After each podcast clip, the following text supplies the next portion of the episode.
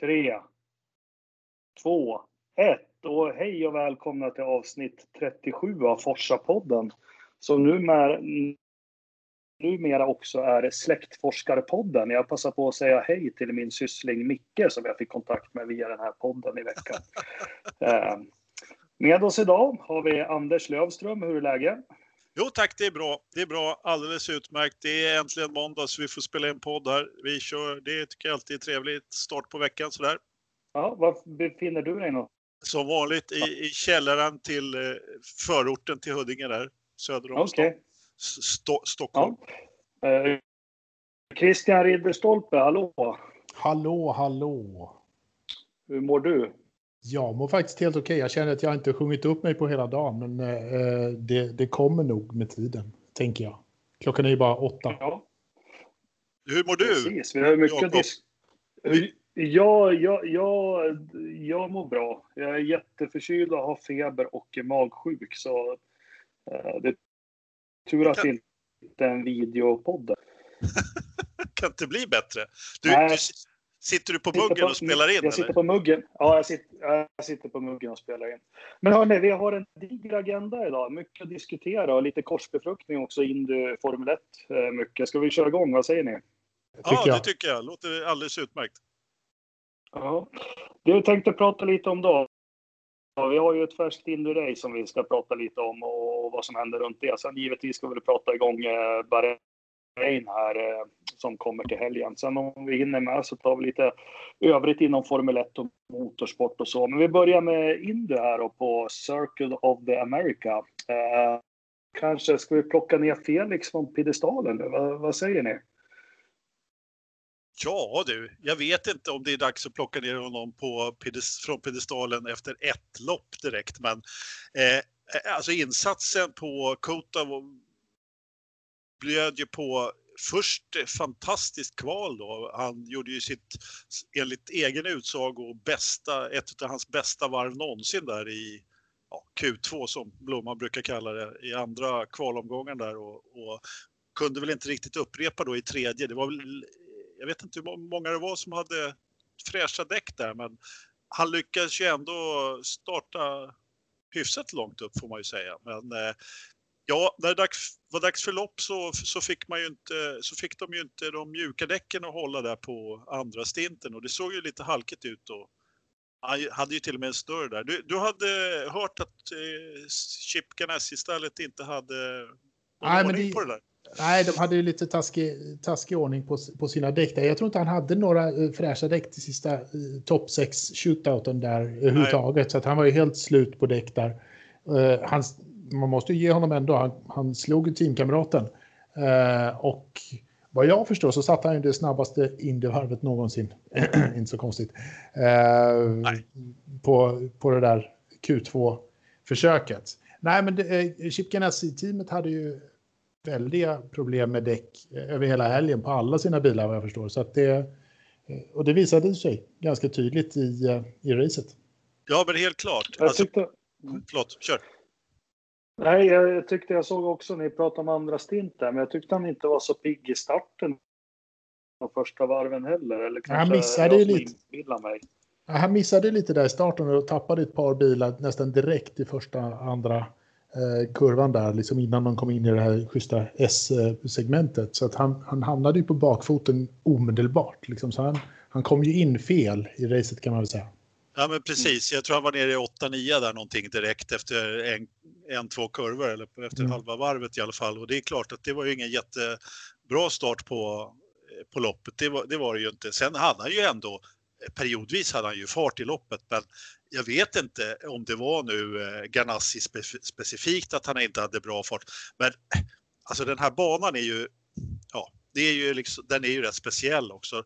Och traditionellt där, om man har följt Felix, eh, så, så skulle väl jag säga att hans styrka är ju lite grann när det är hoppigt och studsigt och stadsbanor och trångt och när det behöver, inte riktigt när det är så här stora, breda, fina då, om vi får säga Ja, så. men det, det såg man väl redan förra året när han körde Formel E, att liksom det är den typen av banor som han glänser på väldigt. Så det, det är nog Ja. lite så här, lite så här, det här var nog inte riktigt hans Nej, utformning. Jag fick, jag fick, också det, lite, liksom lite känslan sådär att ja, han var ju inte långsam, alltså det var han ju inte när man sätter det här varvet i Q2, men, men kanske att hålla ut stinten där då och när däcken inte passar, äh, då, då såg han mänsklig ut helt plötsligt. Och, mm. eh, äh, det var ju, sen kröntes ju det då med eh, avputtningen av eh, Hinchcliffe då som puttade honom rätt in i muren i stort sett. Så att, ja, den var ju inte snygg.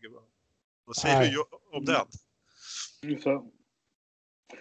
Nej, ja, ja, nej, den var väl meant to be såg det ut som. Nej, men det, det är det som är häftigt med Indycar. De, åker, de hade väl åkt i bredd där några kurvor innan också. Sen tycker jag att de är ganska, det lopp jag såg sist och här också, att de är disciplinerade i fighter. Men eh, vi kommer till den lite senare också, för det har väl lite med, med track limits och jag också. Var det kurva 17 eller 18? Det, det ser jäkligt roligt ut när de bara fortsätter mm. rakt ut där mot, mot i Formel 1. Och det var väl så det började, kraschen. De var väl ute båda Ja, han sa ju Felix där att han hade tyckt att han gav eh, Hinchcliffe eh, tillräckligt med utrymme men han lät inte allt för arg vilket eh, an, andra tyckte var, var argare, till exempel våra svenska kommentatorer som tyckte att Hinch skulle fått ett straff för det där.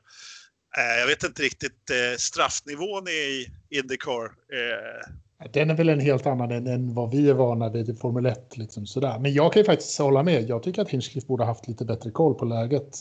Lite så. Jag, jag, lite blame Hinch där. Ja, jo, men det är svårt att inte, ja, inte göra det såklart. Inte straffnivå, men liksom, han borde haft bättre koll och, och liksom, han är ändå ja. en bra förare. Ja, oh ja, oh ja absolut. absolut. Ja. Sen var det ju lite kubbning där när jag satt och funderade på det. Det var väl senast 1977 som två svenskar kubbades i en i någon av de högre formelbilsklasserna när Gunnar Nilsson och Ronny Pettersson körde om varandra lite. Vad, vad, vad, hände där då? Är det Christian, såg du vad som hände mellan Marcus och Felix? De bytte väl plats några gånger? Ja, jag åt ju middag just då, så den biten missade jag ju för fan. Du skulle ju ja, frågat Anders om det där. hörru du, vilken rocker vi har med oss som sitter och ja. käkar middag och dessutom eh, som inte käkar middag innan loppet. Jag fick för övrigt väldigt mycket skäll av min fru för att jag hastade iväg eh, från middagsbordet och skulle tajma starten. Så, ja. Men eh, eh vet, eh, så kan det vara ibland. Ibland så behöver man äta. Eh, nej, men eh, först körde ju, alltså Marcus gick in tidigt och eh, hade ju rätt bra fart där. Eh, och sen eh, och körde ju upp sig genom fältet och när han hade kommit en lång bra bit på sin stint så uh, körde ju Felix om honom helt enkelt när han hade fräscha däck när han kom ut ur depån då, i någon sekvens. Och, men det dröjde ju inte så länge förrän han eh, som sagt inte riktigt klarade av de här röda däcken. Eh, så att eh, då var han ju tillbaka där och blev omkörd av Marcus igen. Då, så att, eh, ja, det var väl det var eh, ingen fight man fick se i bild vad jag såg. Man fick se lite grann bara, men ingen längre sekvens. Ja, vi, vi, kommer till det. Men jag tycker också det. Jag vet inte om det är vanan att inte titta på det här formatet, men jag tycker produktionen är, är, är skitrörigt att följa loppen. Vad säger ni? Hörru, du som käkar middag samtidigt som loppet går. Mm. Säger du? Jag, jag har inte några jätteproblem med det, men det är väl säkert för att jag känner mig lite van vid amerikansk tv-produktion att den är så. Den ja, är sån här liksom. Mm. Så att jag, jag kollar ju på det där liksom lite då och då på lite Nascar och sånt där ibland. Men den är ju lite annorlunda än, än Formel 1-produktionen som är väldigt streamline. Alltså man är ju väldigt van ja. vid att ha den här eh, raddan till vänster där och alltid veta var någonstans de ligger, vilka varvtider de gör och så vidare. Och, alltså jag sitter ju med, jag körde ju med appen bredvid då, och den är ju jättebra, men du ser inte, eh, alltså varvtiderna uppdateras väldigt långsamt och eh, den är ju inte i närheten av vad F1 har, har arbetat med och jag håller med dig där eh, Jakob om tv-produktionen är ju inte riktigt i klass med, med eh, F1. Men, men, men, det kan ju också vara lite så att de här amerikanska kommentatorerna, jag vet inte, det, det kan du säkert svara på eh, eh Christian, om om det är så att de går ner till depån ibland, för det gör man ju även i svensk tv. Men de hinner inte riktigt lämna över. Jag vet inte om de är inte är riktigt vana där. Liksom. Nej, ja, de har ju rätt mycket folk liksom på, på banan och sånt där. Så att de, de har ju eh, folk som springer runt där nere i depån eh, ja. också. Eh, absolut. Men de är, det är lite, det är liksom, nej, det, det, är en annan, det är en annan kultur på, på tv-produktionen där helt klart. Liksom, den är väldigt smooth och sånt lite, i Europa. Det är, ja, men det är lite flängigt och då, då gör det, jag som inte är van att titta på de här loppen, det är liksom svårt att, att få någon överblick vad som händer. Och, och lika det här att de inte uppdaterar placeringarna också. Ja, men det, det får man vänja sig vid. Jag, jag, tycker en annan sak, om vi ska plocka ner det, som var kul att se när de kör på samma bana som Formel 1 och så, ombordbilarna. Jag tycker det är jättekul att se dem kämpa med bilarna genom de här kurva två och framåt. Alltså, eh, mm. Jag satt lite på kul och tittade på Youtube från ombordbilder Formel 1. De, liksom, de sätter ju in bilen och så håller de liksom ratten i en radie hela tiden. Men här, de kunde ju, ha, de kunde ju veva ratt, ratten ett halvt varv i kurvorna ibland och parera och sånt. Så är det bara jag som känner att det känns lite häftigt att titta på? Nej, det är ju lite skönt att se liksom när man får brottas. Så är det ju. Det, det blir ju en, en, en lite grann den här gladiatorkänslan som man har tappat i Formel 1. Eh, liksom. Att, jo, ja. men eh, jag håller med också. Det, det, gör ju att det ser ut att gå fortare än vad det egentligen gör. Nu går det så oerhört mycket fortare i Formel 1 eh, beroende på att bilarna är så, har så mycket mer downforce, är så mer sofistikerade. Men här, det ser ju ut att gå fort här. Och precis som du säger, liksom, ja. de rattar för glatta livet. Liksom. Fast jag, jag tycker ändå att de, att de ja, att de rattar i en sväng är liksom, hur ska jag förklara? Man vet att de, de måste parera bilen genom en, en kurva i 230 km i timmen. Det tycker jag är mycket mer impande än att de kör i 250 med mycket downforce genom samma kurva. Ja, men det, visst är det det. Visst är det. E, Ek, Ekblom sa väl i sändning där också att, att de hämtar ju hem bilen liksom två, tre gånger i en av de där, i en mm. sån här lång sväng. Mm. Så att ja. det, det, det, så här, som novis så ser det ut att vara betydligt eh, mer, kräver mer skills för att köra en Indycar-bil än en Formel 1-bil så här om man tittar mm. utifrån skulle jag säga. Det finns säkert någon som kan rätta mig där. Men... Ja, men vad tycker om det andra som skiljer sig mycket och som track limits i, den här kurvan vi pratar om? Jag satt precis nu och kollade på Felix när han krokade ihop det, men de, de är ut säkert 15 meter utanför banan. Eh, vad, vad, vad, tycker ni? Bra eller dåligt? Jag har svårt att avgöra själv. Liksom. Eh, jag tycker att man ska hålla sig på banan, men i USA tycker man finns det asfalt så kör vi på den. Ja, alltså de sa ju det direkt i början på, eh, på sändningen när jag kollade. Det var så här, ja men nu är det så här, no track limits, it's something else from Europe. Alltså, de, de kommenterade ju det direkt att så här, i, i Europa så, så bryr de sig om så här, den här vita linjen, den skiter vi Vi kör. Och sen är det liksom, det är helt okej okay att köra om även om du är liksom utanför banan och då drar på killar. De gjorde ju det i mm. början. Ja. ja, men jag, jag, vet inte. Jag har lite, lite svårt för det. Det kanske inte ska vara så jävla skitnödigt hårt som det är i Formel 1 ibland. Ja, men du har 5 cm fel ut, liksom, då, då är du diskad. Mm. Men det ska ju inte vara 15 meter fel. Det är ju liksom, då är det något fel någonstans också. Man kan ju ha lite, lite rim och reson känner jag. Så att det är lite... Ja, men det här är väl enda banan de kör på också som du kan åka bredvid på om jag har förstått det rätt också va? Ja, men i stort sett så är det väl det. Eh, jag, jag, jag, måste säga det att jag har inga som helst problem med att de kör utanför banan. Jag, jag, jag tycker att eh, även, som i Formel 1 då så, så håller de på då med de här track limits. Ja, men, vad va fasiken, låt dem köra utanför banan. Det är väl bättre än att hålla på och peta i det, tycker jag. Och låt, låt det vara helt rätt. Jag tyckte det var lite uppfriskande faktiskt, eh, helt klart. Och det är lika för alla. Så att, eh, det är ju inte så att det är någon... Och, och, och, det är kanske det som har stört mig i Formel 1 med just track limits, som jag har varit på tapeten lite grann. Det är ju just att nej men, i Formel 1 så blir det en bedömningsfråga och så är det helt plötsligt någon som får straff och någon som kanske klarar sig. Och, mm. ja, då är det väl bättre att, att, låta alla köra utanför dem. Ja, så kanske man, kanske man ska ta det som eh, sandfoll eller något annat skit som, som du ändå inte kan köra i. Liksom. Ja, precis. Så tar det automatiskt stopp där. Men kommer, ni, kommer ni ihåg Silverstone för några år sedan när Alonso Fettel fightade? Så Alonso han sitter och kollar i backspegeln hela tiden och har koll på millimetern om Vettel eh, kör över track limits och så. Det blir också lite fjantigt. Ja, och det, det är ju också, det är också en grej där på banor då som man, där man kan liksom gena över banan. I, i, mm. I de fallen ser det ju naturligtvis, då är det ju en annan femma då, men, men liksom här är det ju inte så att du genar i någon kurva utan, utan du släpper ut bilen i, i, efter kurvan istället. Eh, men jag menar på Bahrain då, eller någon annan av de här fåniga banorna höll jag på att säga, jag sa visst det också, så där kan man ju liksom köra rätt genom en chikan och tjäna liksom två plats, tre platser på det. Och det, det, då är, det gillar jag inte däremot. Så att, ja. Mm. Ja, nej, för tusan. Ja, men det, det, det är en annan skola helt enkelt.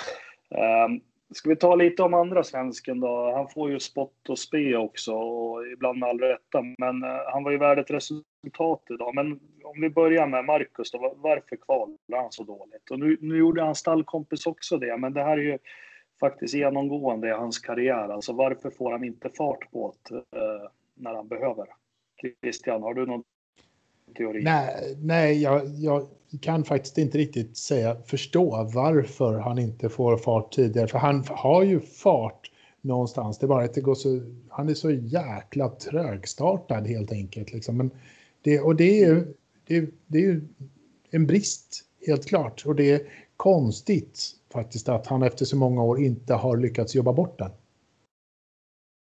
Anders, ja. ordförande i ME7 fanklubben då. Eller Vad säger du? Ja, Eller hur? Skämt åsido. Nej, men håller du med oss?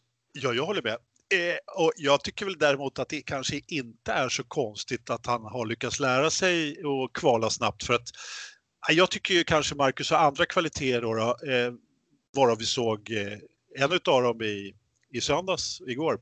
Men alltså det här att lära sig och kvala snabbt, det är ju inte helt lätt. Han har ju en inlärningskurva som, eh, och det, det, är ju precis som du sa, det är ju genomgående i hela karriären och även i Formel 1 så var det ju så att fick han inte tre försök på sig, ja då, då kom han ju inte upp i kvalhastigheten eh, och, och, kunde matcha stallkamrater. Så, så var det ju.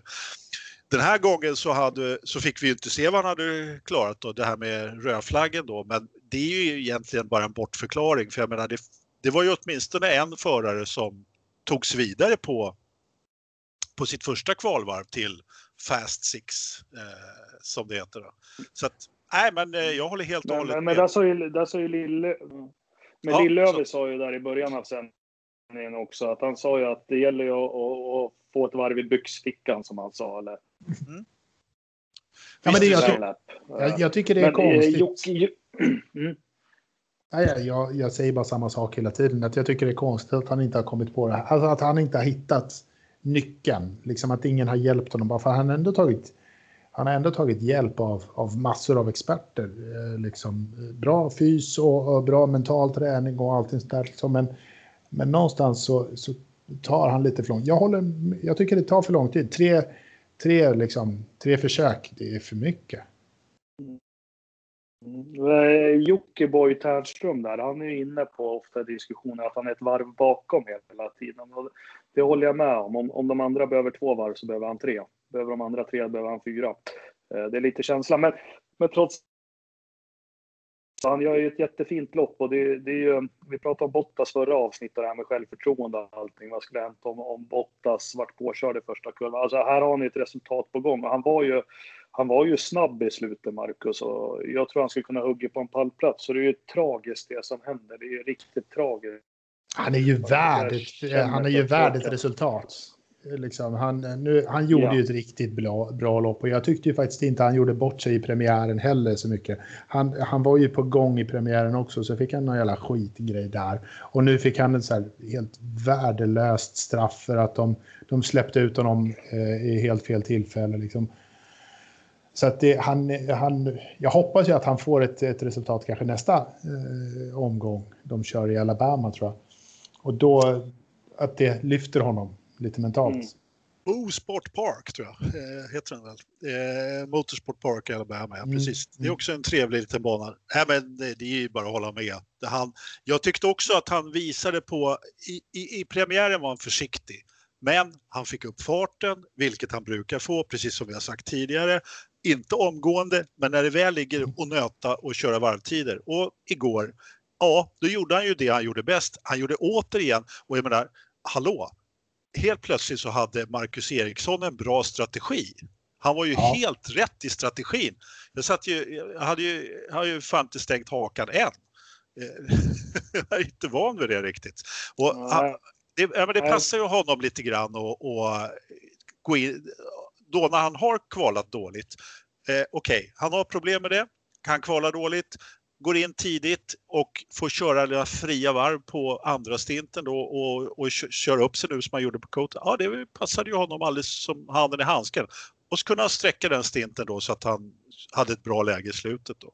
Ja, och så kom ja, det, det, ja, titta, blinka, placera. Det är väl det han behöver lära sig. Nej, men sen var det ju kul att få se han racea lite också. Han får ju köra om lite bilar och så. Det har vi inte sett så mycket de senaste fem åren, de kvaliteterna. Så det, det, det tycker jag, ja men det båda gott. Det, ja, men jag, jag, visst är det så det har jag ju sagt själv också att han tycker det är kul att få börja racea lite grann igen. Han har ju bara hållit på att titta bakåt och kanske inte titta så mycket framåt och så mycket omkörningar. Så jag menar, och där, där sa du ju någonting också, även om banan var så lång och stor och sådär så det var ju lite omkörningar faktiskt, lite fighter på banan och sådär. Så du var ju helt i extas här efter St. Petersburg, eh, Jakob. Så du, det var kanske inte lika mycket action på den här banan. Men, men jo, men jag sitter, jag sitter och kollar.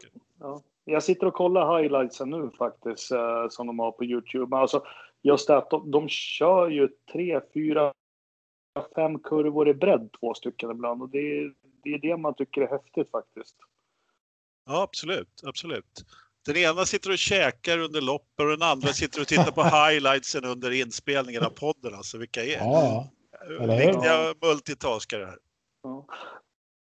Vad säger vi om han då? Vad hette han? Robin Never Heard of som vann. 18 år. Colton Hurta. Är det någon som har en, en stamtavla eh, och ett team eh, med, med, med liksom förutsättningar för att lyckas så är det väl Colton Hurta. Det, eh, grabben har talang och allt sådär. Men vad jag, det, vad jag blev lite förvånad över var väl att när jag fick höra i slutet på racet att teamet inte startades förrän typ i december. Nej, det där är lite intressant också eftersom alltså, de startade, alltså när de körde text, testerna här på Kota, då var ju han också vindsnabb. Han var ju rikt, precis med upp i toppen, jag tror han var snabbast också någon dag. He, he, eh, och då hade man ju också eh, den här mexikanen kontrakterad, eller kontrakterad vet jag inte om han var, men Pat Ward som Mm. Eh, som nu kom till Kota då och körde för eh, Carlin eller någonting i den stilen. Mm. Men, men, grejen var så här att det här stallet, de har ju då ett eh, samarbete med Andretti Motorsport. Så de har ju all teknik och hela klubbet som Andretti supportar dem. Så mm. att de, de, har ju, ja, de är i princip, i princip en del av Andretti vilket gör att de har väldigt bra resurser och kan eh, och kan göra ett bra jobb i depån och eh, ordning på det tekniska och så vidare. Ja, precis. Och det vad jag, vad jag menar med liksom, eh, stamtavla och allting hjälper, det är liksom pappa är eh, Brian Hurta från, från tidigare kört Indy också massa år och väldigt framgångsrik och, och i teamet på, på depåvallen, eh, eller vad det nu kallas, Eh, i USA så, så sitter Al Unser Jr också, liksom en flerfaldig mästare och, och, kan det här utan och innan. Liksom. Så att de vet ju vad de pysslar med, de här killarna, definitivt. Ja, Al Unser är legend i USA ja. racing. Men eh, man kan väl säga att det här är ju då eh, Hörta, Forson, de är ju lite mer eh, laid back variant utav våran europeiska far och son Formel 1 då. Jag tänker på Max Lance. och...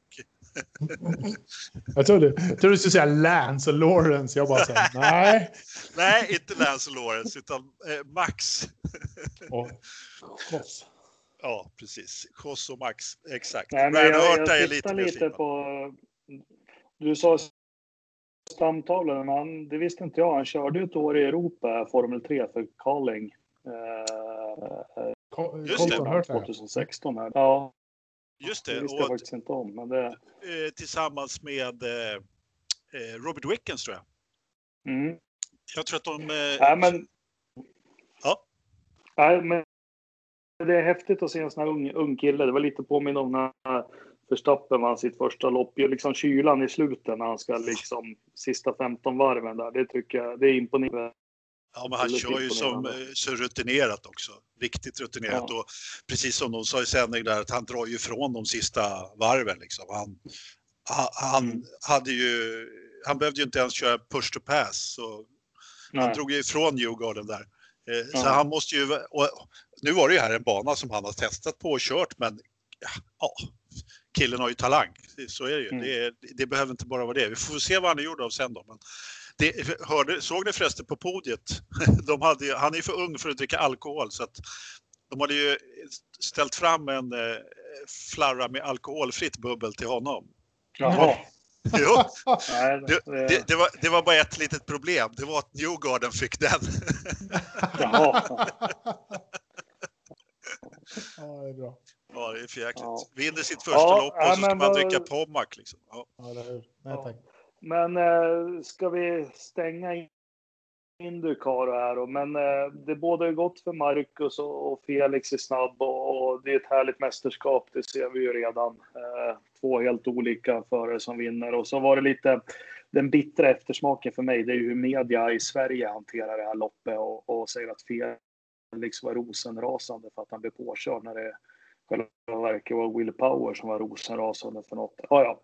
ja men vi eh, måste prata om Will Power. Vi måste prata om ja. Will Power också, om, om vi kan ta en minut med det också bara för att han var ju rosenrasande av en god anledning. Sen, sen hjälper det ju inte så mycket att vara rosenrasande på en regel som finns, som alla vet finns där. Men eh, all, jag kan bara dra lite kort, liksom. anledningen var ju att när, när Felix blev påkört och orsakade den här gulflaggen så Eh, Eh, då stänger ju depån omgående när det blir gul flagg så att man kan inte göra som i Formel 1 och bara ladda in i depån om man är rätt i sekvens på, på, på varvet så att säga.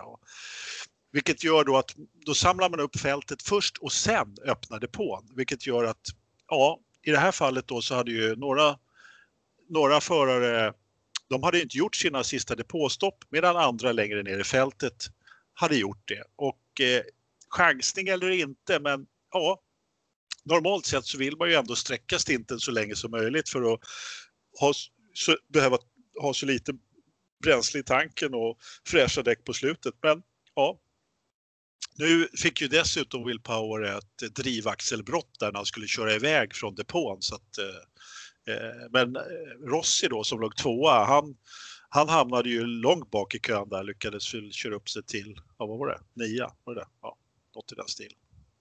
Ja, något, men alltså, jag kan tycka att det är lite tjusning i, i det där också. Att det, det, det är vad det är. Jag förstår inte riktigt varför man blir så otroligt sur över det. Jag tror att det också är mycket...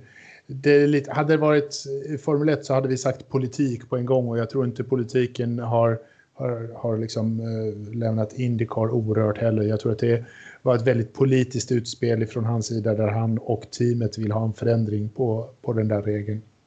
Så det var nog lite spe, spel för galleriet. Så kan det vara. Men skillnaden också mot Formel 1 är ju att de får kliva ur bilen, ta sig lite och dricka en handduk och så gå ut i den där lilla follan innan de möter media. Här är liksom pang ur bilen och så en mick under hakan med full med mm. adrenalin och allting också. Det är också en, en skillnad vi har. Absolut. Jo, Men, så är det Ja. Ja, men då så. Men då stänger vi det. Nästa lopp var vi inne på Indycar. Ska vi ta och flytta över till, till Formel 1 här och eh, Bahrain Grand Prix? Måste vi, måste vi det? Nej. Ja, vi är faktiskt tvungna. Faktiskt. Jag har ju skrivit körschema här. Då. Okay. Bahrain 2019 här. Va, orkar vi fokusera på, på Formel 1 när det kommer ett Indycar-lopp emellan så här, eller? Tystnad. Uppenbarligen ja, inte. Nej. Nej, Nej alltså, förstår ni vad jag menar? Ja. Man... Jo då, alltså jag har egentligen inga problem att, att fokusera på Formel 1. Eh, sådär, ett lopp i veckan är ju rätt lagom och jag, jag måste ju säga att jag gillar ju Formel 1 precis, precis som det är. Eh, eller ja, inte kanske precis som det är, men just då att det är rätt skönt att ha lite annorlunda race emellan sådär men eh, För jag menar, Formel 1 är ju som det är och nu får man ju sitt lystmäte då med Indycar här där det är fighter och på ett helt annat sätt. Så att, men jag, är ju så, jag gillar ju inte Bahrain alltså. Jag gillar inte den banan överhuvudtaget. Jag tycker det är ett av årets tristaste lopp alltså. Jag vet inte ja. varför. Jag bara, jag bara gillar ja. den inte. Ja, vad, vadå då?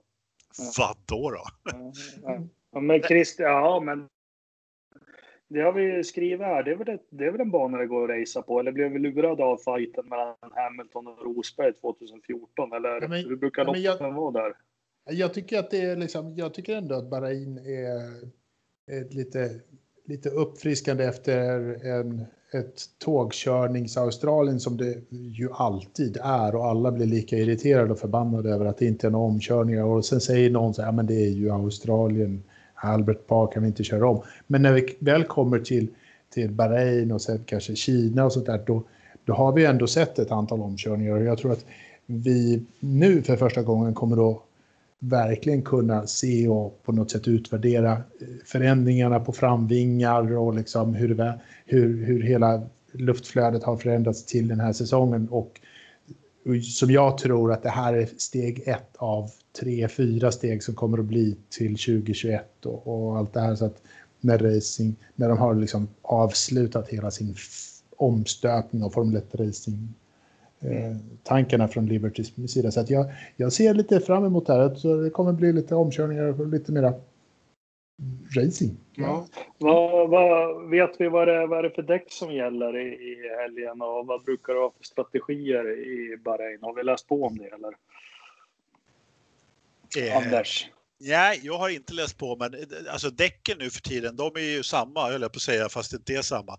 Så att, eh, jag vet inte ens om Pirelli talar om nu för tiden vilka de kör med faktiskt. Jag har inte noterat det. Eh, för nu för tiden så är det bara medium, soft och hard. Så att, eh, sen vilka vilka däcksblandningar som vi körde med förra året där, som döljer sig där under. Jag såg i alla fall ingenting om det till Australien. Det är möjligt att de eh, talar om det, men jag, jag har inte letat efter det. Men jag, jag kan ju hålla med eh, Ridderstolpe där att det är klart att eh, det här är ju lite mer, nu kan vi få kanske se lite mer vad de går för och, och alltihopa det då, men eh, jag, eh, nej, jag vet inte, jag tycker fortfarande inte det. Jag, jag gillar inte bara ändå, bara därför. Nej, det är okej. Okay. jag tror faktiskt inte... Du gillar ju klassiska banor som... Eh, fortsätt. Ja. Ja, nej, jag, jag tänkte bara alltså att uh, Pirelli säger ju inte vilken mjukhetsblandningar de har, utan de, de säger bara liksom soft, medium, hard och sen vet vi inte om det är hypersoft på nej. hela skiten eller vad det, vad det är liksom. Uh, helt enkelt, utan det... det nej, de kan, Nej, för jag har inte sett att de har talat om det. Men har de gått ut och sagt att det verkligen är så att de inte talar om det? Så kan det vara. Ja. Ja, för mig de sa det förra året innan, när de väl bestämde att de skulle ha de här tre. Ja. ja jag sitter och kollar nu. Det står ju bara rött, gult eller vitt. Och det, ja. det är rött de flesta förarna har mycket av att allokera ja, upp till tio set röda däck och så. Ja. Ja, jo, men så... lite annorlunda. Han hade bara ett set eh, medium, va? Eller? Ja, precis. Och två vita. Ja, precis. Hårda. Ja, men det får vi se. Jag, jag tänker så här, eh, lite annorlunda då. Eh, vad tror vi om helgen då? Det är svårt att tippa. Vi, vi gav oss ju på att tippa för det. Men vilka tror vi stå, slår sina stallkamrater nu då? Vi pratar kval, kval och race. Christian. Jag tror Kubica slår, eh, kommer, kommer näst sist i kvalet. Näst sist, ja. ja. Vad har vi mer då? Toro Rosso, vem, vem tror du på där? Jag tror fortfarande på Kviat. Eh, han är för bra på den där banan. Eh, mm. Faktiskt. Eh, det är han. Ehm, Renault så tycker jag definitivt att det är dags för Ricciardo att visa vad skåpet ja. ska stå. Nu måste han. Det, det måste han göra. Ha 0-2 väl... efter två lopp, det, det funkar inte. Det var väl bara någon tusendel där efter. Han var väl bara någon tusendel efter i kvalet i Australien. Det var inte långt i alla fall efter i Australien. Det spelar ingen roll, det står 1-0 ändå. Ja, 1-0. Liksom, Förlåt då! när, det var, när Marcus var efter ja. Leclerc med, med en halv sekund, då spelade det jättestor roll hur lång tid det var. Ja, ja det är fortfarande men... ett, ett, ett mål är ett mål, oavsett ja. hur mycket bollen är över linjen. Uh, vad har vi mer då? Alfa Romeo. Jag tror vi på Kimi gör jag fortfarande. Han kommer att ta rent. Ja, han kommer att sopa banan. Det, det är inte ens en match. Uh, Red Bull tycker jag är helt ointressant. Men vad tror vi om Bottas och Hamilton då? Är det dags för Hamilton att kontra här? Ja, alltså det ska förvåna, skulle förvåna mig mycket om inte Lewis tar pole eh, och slår Bottas med mer än två tiondelar eller åtminstone mellan en och två tiondel och kör hem det här loppet från start till mål. Eh, mm. det, det, det, det, sätter inte jag många kronor på. Så, mm. så är det. Nej. Men, Ferrari då? Ferrari? Det, det är liksom, där är det ju lite tajtare däremot. Eh, men jag ska, jag ska svara Anders här, bara för att jag tror att problemet med att Bottas vann i Australien var precis just det som Hamilton behövde för att kunna liksom få, e, få lite jävlar anamma och bara sopa banan med allt under den här säsongen. Ja, det, det, är lite risken att det gick lite för bra för, för Valtteri. Ja, men det, det är ju, jag håller ju tyvärr med dig helt och hållet. Det, det är ju precis, jag, jag, ser precis samma sak. Han behövde ju någon som liksom körde in en kniv och vred om, liksom vakna på nu gubben. Säsongen har startat. Ja. Det liksom, ja, men, det, alltså, det skulle, men det skulle vara ju uh, skönt om uh, Bottas kunde hålla i och uh, fortsätta och liksom vara okej okay, att han blir slagen i kvalet, men tar starten och, och liksom leder in i kurva 1. Ja. Då, då, då, har vi, då har vi en fight på gång för året och då kan det bli riktigt spännande att följa de två. Ja, jag håller med dig. Ju längre han håller i i säsongen, jag har inga som helst eh, dubier om att Lewis kommer ta hem sin, sin var det, vilken titel i ordningen det nu 104. Ja, precis. 104 titel. Men, men så länge Bottas är med så är jag glad för då, det ska bli riktigt kul att se. För han var ju verkligen på nytt född. Helt klart och, och riktigt bra fart. Men eh, om vi pratar Ferrari. Jag är, ni, ni försökte ju tippa att Leclerc skulle vinna här förra... Mm, för, förra. jag tippar att han slår Vettel, åtminstone i kvalet. Loppet är jag inte lika säkert, men jag, jag tror han kvalar ut Vettel faktiskt. Mm. Vad säger du Jakob? Ja, ja. Nej, jag vet inte. Jag är mer lite så här jalu som min mor säger på, på, på Ferrari. Det, jag läste en massa att det ryktas att de har problem med motorerna. Är det något som, som ni också har läst och sett? De ja, ja, det stod ju lite där liksom att alla i Ferrari Powered team hade, hade ju strul och hade varit tvungna att skruva ner och sånt där. Så att det, mm.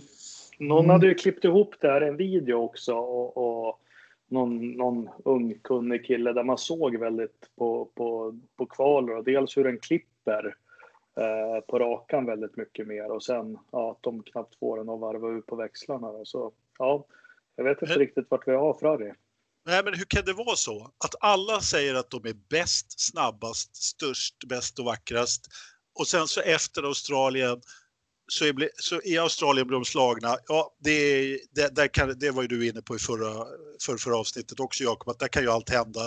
Eh, Mercedes snabba. Men så helt plötsligt så har de problem med motorn, eller power uniten, och den klipper och det är inte bra alls. Alltså, hur, va, när, när hände det liksom? Under när hände vadå? När fick de problem med motorn? Alltså före loppet så var allting frid och fröjd jag, jag, jag, hängde inte med i svängarna där liksom. Och så helt plötsligt så pratar alla, eh, lägger pannan i djupa veck och säger att Ferrari har problem. Varför såg man inte det på fredagen före, före loppet liksom? Jag, jag förstår inte. Det måste ju ha hört som den klippte då också. Var det så att man inte har kört den på, liksom, har man inte... De har inte skruvat upp den. Nej, uppenbarligen inte. Så, och då klarar han ju inte de här sista procenten i så fall. Jag menar, då, kan, då, är det ju ingen idé att tippa att de ska vinna VM redan innan, innan eh, säsongen är, har börjat. Liksom. Jag förstår inte det där riktigt hur man kan eh, säga att Ferrari har bästa motorn innan de har ens... Eh, det såg vi ju ganska tydligt bevis på. Jag blev lite, inte irriterad, men så bara, ja, ja, ja.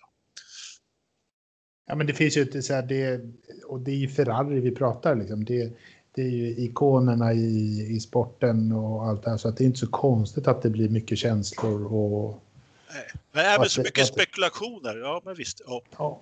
Jag tror att det hänger med stallet. Men vem, är, oavsett, de har ju likadan motor både Leclerc och, och Vettel. liksom. Och du tror, Oh, ja. vad sa du, Vettel Nej, Jag tror att Leclerc slår Vettel. i kvalet?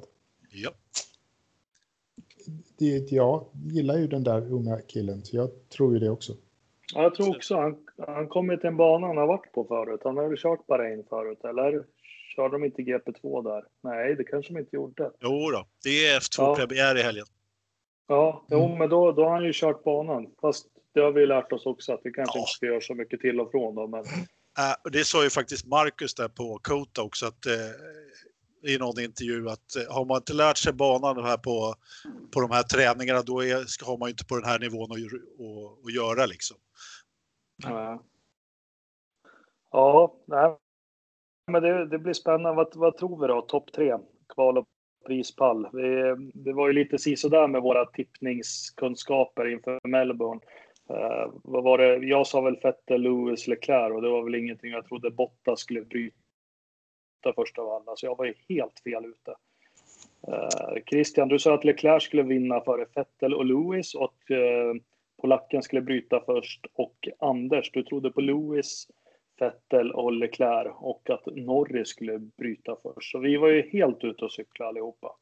Eh, jag mest av alla. Så vi, vi tar en ny chans då. Kval 1, 2, 3. Christian, vem tar pool? Lewis Hamilton, Valtteri Bottas och Charles Leclerc. 1, 2, 3. Ja, och loppet då? Det vinner eh, Lewis före Bottas och sen kommer på fjärde, från fjärde startruta så kommer Max Verstappen upp på tredje plats. Fan vad tråkigt det blev. Ah, jävla tråkigt. Ja, fan också. Ja, så Mm. kan det vara. Så är det. Men den som bryter först är Nico Hulkenberg. Okej, Anders då? Får jag höra din kval, lopp och vem som bryter först? Ja, men då gör vi så här. Då, då, ja, egentligen så tror jag att Lewis tar pole i alla lopp efter. Det, det kan jag liksom skriva upp. Men bara för att skoja till det lite så säger jag att Max Verstappen tar pole. Leclerc står bredvid honom och i andra led Lewis. Mm. Topp eh, och i loppet då så tror jag att eh, Bottas vinner igen och Verstappen tvåa och eh, Vettel trea. Lewis Hamilton bryter först. Aha, uh, okej. ja. Eh, Det hur då, tänkte jag säga. Ja. Jag måste ju liksom, ska- ja. ja, det är bra. Det är mycket roligare än mitt tips kan jag säga. Ja. Det, var, det var min stora, det var det, det, var det som motiverade dig. Att Ja, det skulle ja. vara roligare än Ja. Ridderstolpes tips. Så att, ja. Ja, jag, jag avstår helt att tippa. Jag är moderator så jag tycker jag har den rätten att avstå helt efter Oj, den här oj, Oj, äh, härds, där, där, härdsmältan. Men jag, jag tror en, en silvrig eller en röd bil vinner. Så Ja, kan jag säga. Ja, Och- ja, det är det. Ja, nej, men vi får se. Det Silvrig blir- eller röd. Kan Vilka också vara ti- en med en eh, Red Bull på sidan. Men, ja. Nej, nej, det kommer inte hända. Eh, Men vilka tider går loppet där i Bahrain? Det är, är det vanlig europeisk tid eller hur fasen har vi det? Det brukar det definitivt vara. Nu kommer det med sådana där frågor som jag inte riktigt har förberett, på, förberett mig på, men det brukar definitivt vara, det brukar köra dem på kvällen i Bahrain, så att det brukar vara eh, Jo, elbelysning. elbelysning. Ja. Ja, Ja. så att, så att det brukar vara rätt tid här så att säga. Ja, det är väl mitt i maten för Ridderstolpe oavsett. Allt- då, kanske. Alltid. Alltid. Alltid. Ja, men vad bra då. Då får vi se fram emot det loppet. Jag tänker, vad, vad händer i övrigt då? Vi har ju lite mm, Formel 1 och politiken runt här. Det har varit lite utspel här i veckan. Eh, Dels så har vi ju Jockiboi där, Ternström. Han påstår ju att McLaren hotar sig att dra sig ur. Eh, har vi fått det vidimerat eller har han läst det på någon sån här influencers blogg eller något? Han, han, har något varit, han har varit på Instagram eh, och, Ja. och läst det där. Nej, men eh, grejen är väl det att eh, det, de eh, teamen skruvar väl upp temperaturen nu inför imorgon då det ska vara något större möte. Allting handlar ju om reglementet 2021. Så det är ett, ett stort möte som tar plats imorgon och sen är det ett om några månader framåt och då eh, om någon månad så är det det sista mötet och det är the final call och då ska alla vara överens eller så blir det helt pannkaka för 2021 och ingen har tid att göra något. Vad vill McLaren då? Har vi sett det någonstans? De vill väl ha lite... Eh, vad var det han sa? Att han, eh, det stod någonting om att han, han vill ha en jämnare distribution av pengar. Att det ska vara liksom finansiellt eh, görbart att driva ett Formel 1-stall. Och då egentligen utan de här prispengarna och sånt där som han klagade lite lätt på att Ferrari har så sjuka eh, pengar eh, från, från centralt håll. Um, mm. Så det, det är väl egentligen det gamla vanliga, känns det som. Ja, men börjar vi inlopp igen då så Ja. Det där, så. ja, men Eller? det är lite så att nu när McLaren hamnar på efterkälken så, alltså då, McLaren får ju inte en dålig del av kakan ändå eh, och är ett av de mer välfinansierade stallen. Men fortfarande så är det ju så, men det, det är precis som du säger Ridderstolpe, det är det gamla vanliga i politiken att man, eh, man börjar helt enkelt skruva upp tonläget inför mm. det som komma skall. Liksom. Men jag, Renault har ju varit ute och svingat nu och sagt att det är budgettak som är nyckeln till det, till det nya reglementet. Är, är det så tror vi? Ja du, den som det visste. Ja, ena dagen så tycker jag att budgettak är, är liksom det som kommer att få Formel 1 att funka vidare. Andra dagen så, nej, budgettak är inget bra. Eh, det finns ju fördelar och nackdelar men en av de stora, som jag ser det, nackdelarna är ju att det blir väldigt svårt att kontrollera. Det säger man ju sig nu har kunnat eh, liksom fixa till, men nej, jag vet inte riktigt. De är ju några mästare på att fuska också så att, eh, utan att det märks. Så jag, jag, är inte så säker på det. Ridderstolp, har, har, har, har, jag tänkte fråga Chris, Christian då, analys. Vilka, skulle vinna och vilka skulle förlora på ett eventuellt budgettak som det ser ut idag? Då? Har du någon analys där? De som skulle förlora är ju uppenbart topp tre. Liksom. Det är Red Bull, Mercedes och, och Ferrari. Absolut. De, de, skulle ju gå i, i taket eh, alla tre stenhårt. Så är det, det. Och liksom, de här senaste åren, den som vinner mest är ju Williams och, och, och Force, India, Whatnot, Racing eh, Point eh, och, och liksom sådär. Alfa Romeo skulle kanske inte vinna lika mycket. De skulle ändå kunna hålla sig och, och göra ungefär samma deal som de har idag.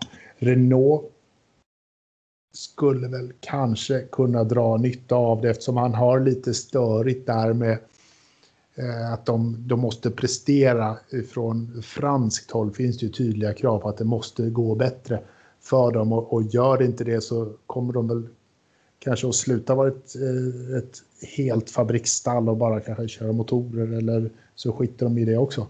Eh, det är väl frågan om. Toro Rosso är samma sitt som Red Bull mer eller mindre. Liksom de, de kanske klarar sig lite bättre. Det är nej, de är inte som Red Bull, de är som Alfa Romeo. Ja. Och klarar, klarar sig ganska bra sådär. Så det är ju liksom, det är topp tre som kommer att förlora mest och det är de som skriker mest också. Och de har ju liksom genom sina avtal köpt upp eh, teamen och sånt där. Så att jag hoppas ju in i det längsta att, eh, att Liberty kan stå emot och genomföra förändringar som behövs. För vi behöver göra förändringar, så är det ju. Men är det ett budgettak som behövs? Jag tror att ett budgettak eller på något sätt liksom kunna kontrollera det här gör ju att sporten, dels som McLaren, Zac Brown säger att det skulle vara möjligt att kunna starta ett Formel 1-stall och få en ekonomi i det hela på något sätt. Eh, det är omöjligt idag, det finns inte, det går inte att, ha en ekonomi i ett Formel 1-stall idag, det har inte gått på ganska lång tid. Men om man har det som ett första steg så kan vi då kanske få in lite flera team, lite mera eh, privatteam. Jag tror inte att vi kommer kunna komma hela vägen till där Indycar är idag och liksom ha, ha det så standardiserat på något sätt. Liksom. Men jag tror att vi behöver ta steg som gör att vi blir lite närmare det. Lill-Löves hade ju massor av bra, bra förslag på, ja. på för, så här, göra det billigare och, och, få, få igång ekonomin och sånt där. Så det finns ju mycket att, att, kolla på och göra. Liksom, och jag tror att budgettak kan vara, kan vara en del att, att titta väldigt noga på. inte funnits något stall, det... stall, på lång tid. Då kontrar jag med Gene Haas. Vad säger du om det då? Det, han, han lyckades ju ändå fått ekonomi, eh, hyfsat nystartat stall och så vidare. Ja, jag, jag, jag är helt... Nej, nej men du, du, har ju rätt. Du har ju rätt. Eh, och vad är det han har gjort då? Han har ju gjort det på ett helt annat sätt än något annat stall har gjort tidigare i historien. Han köpte allting som fanns att köpa från hyllan. Han har inte gjort någonting själv och det är det som eh, liksom hardcore fans tycker att så här, nej, nej, man ska fan bygga själv. Liksom, bäst, eh, eh själv är bäste dräng och så där. Men det gjorde inte han. Han gjorde den amerikanska vägen. Han köpte så mycket han bara hittade från Ferrari och så satte han sin eget namn på det. Ja, men jag, jag, jag gillar ju på något sätt den, den liksom, grejen som han gjorde, även om jag också då är hardcore Formel 1-fan som tycker att man ska bygga allt. Men, äh, men jag, jag, respekterar det ändå, liksom, att han, han hittade verkligen ett sätt att göra på och har ändå lyckats ganska bra. Mm. Eller hur Jakob? Ja, men, det, men det Ja, men det, det lustiga i hela det är att Williams och McLaren, de, de skriker ju jättehögt över fördelning av pengar och budgettak och allting. Men det var faktiskt de två stallen som drev på det här i början på 90-talet. Jag kommer ihåg McLaren var väl först och några 100 eller 150 anställda, gjorde en jättegrej av det. Eh, Williams, de, det var ju bara ekonomiska muskler som gjorde i början på 90-talet med aktiv fjädring, att de hade råd att utveckla de här sakerna. Och nu nu är de ju en helt annan position. Men det jag tänker på som har gått fel med sporten, ja, eh, 89, det är 30 år sedan 1989. var det 42 bilar anmälda till säsongen. Mm. Jo, men alltså uh, avsaknaden av bilar är ju också en grej och det är klart att standardiserar man lite grann alla alla, alla Indycar, gör lite mer alla Gene Haas, ja visst, då kanske vi har tre, fyra stall till. Jag är inte fast, så säker på att ett... Eh, ett eh, fast, varför gick det för 30 år sedan att starta tio stall? Varför gick det då?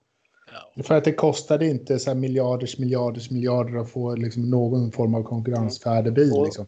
Ja, precis. Och då är vi inne på det som, som eh, Lövis skrev i, i mm. sitt manifest här. Och att, eh, jag är inte för att standardisera. Jag tycker han tog det lite för långt. För jag tycker Formel 1 ska ha kvar sitt DNA. Men lägga 150 miljoner på någon liten vinge på framvingen, det är helt fel.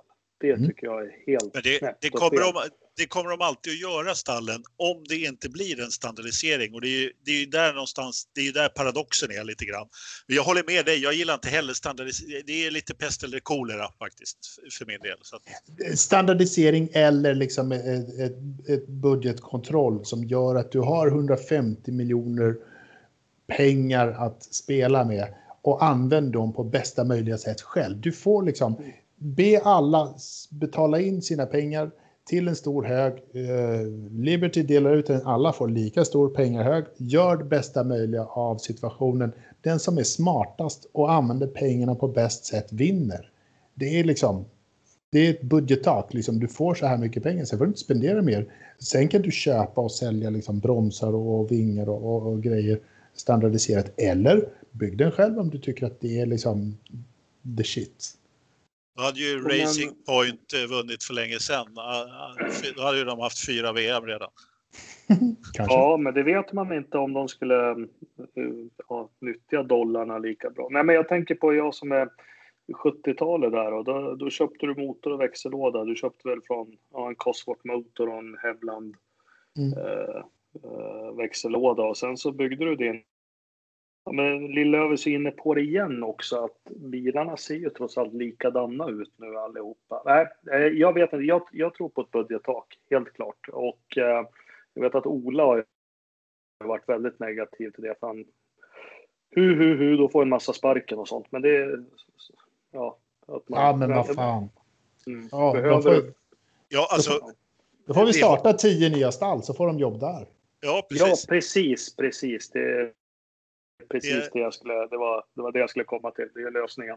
Och, de, och, och, vi, ska, vi, kanske också ska tillägga då, förlåt Jakob, att, att eh, de, man har ju alltså börjat med eh, liksom man har börjat gå mot det här budgettaket. Så det, tanken är ju att man ska eh, nu under två år så ska man anpassa sig till budgettaket. Det är fortfarande inte spikat, men eh, man, har även, man har gjort det så, så att eh, första året så är det då får man liksom hålla sig över, andra året så ska man ja, då kan man få några lite böter och tredje året så ska man följas. Men ja, vi lär nog inte ha sett det sista av det här. Nej, Nej spännande. Vi möter imorgon sa du Christian. Eh, ja. Ja, ska du dit, dit och, och... Ja, jag tänkte... jag är... För... förhandlingarna eller? Ja. Ja, det, det, är jag och Sean Tott som sitter där på podiet tillsammans. Jag är något längre. Ja, om, du, om, om, du gör det med Tott, då drar jag med Max Mosley på, på strippklubb då. Så. Du, eh, ja, det är bra fördelat. Ja. ja, men eller hur.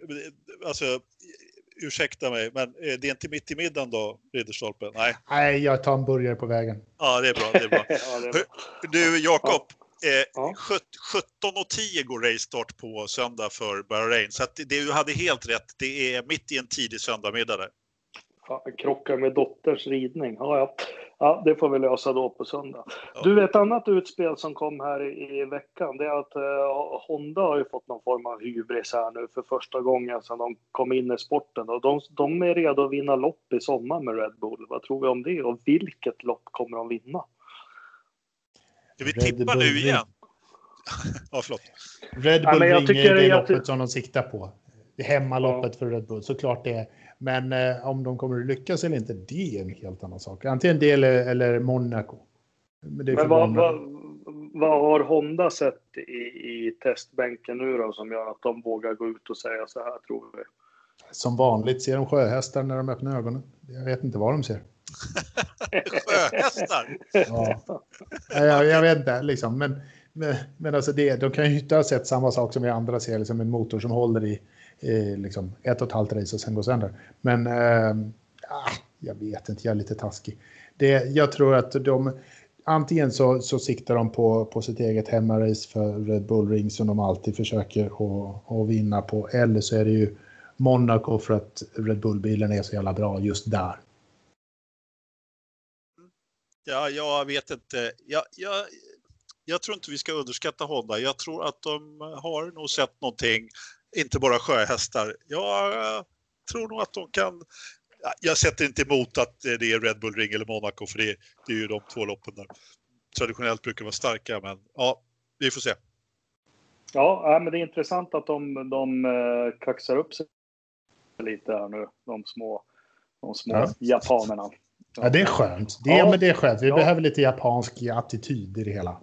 Ja, det tycker jag också. Och, och lika den här skuldattityden de har om det inte går vägen. Den, den gillar jag också. De grin, företagsledningen sitter och grinar och får ja. förklara sig. Det lite, luktar lite Nordkorea.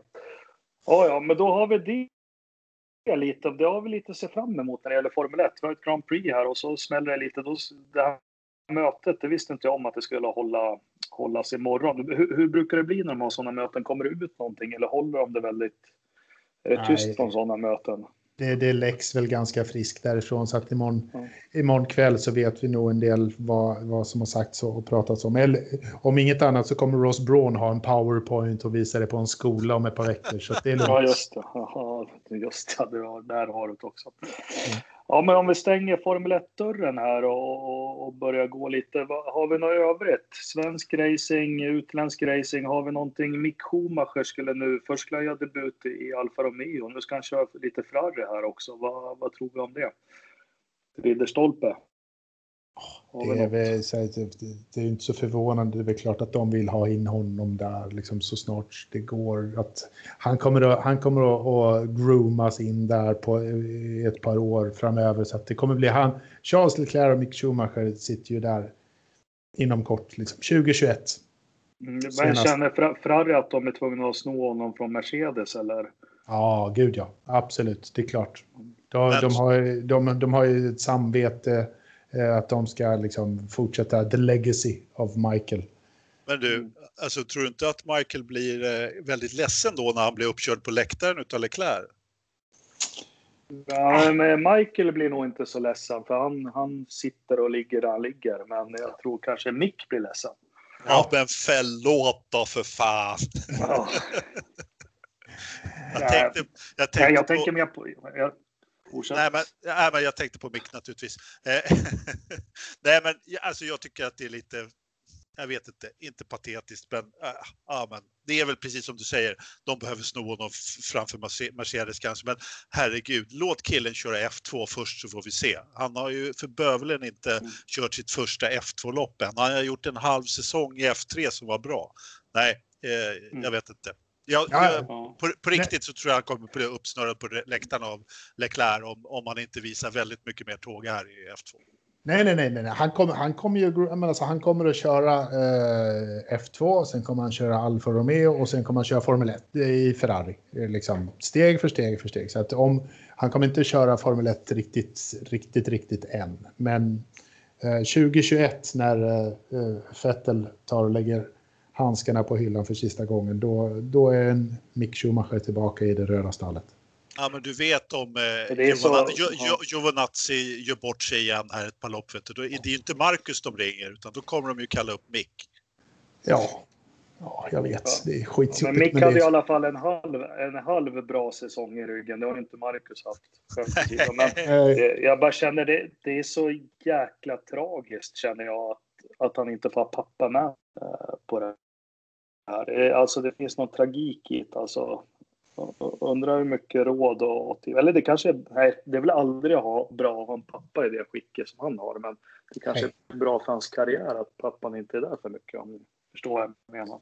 Ja, det skulle nog varit... Alltså, fy fan för att ha en farsa och, och den farsan att jämföra sig med när man går in i, i samma sport. Liksom, det är ju fullständigt omöjligt. Det är ju ingen som kan som kan mäta sig med, med de framgångarna som han Nej. hade. Liksom. Nej, det kan ju inte vara någon som kan vara så ful, ful och göra sådana saker som han Nej. gjorde.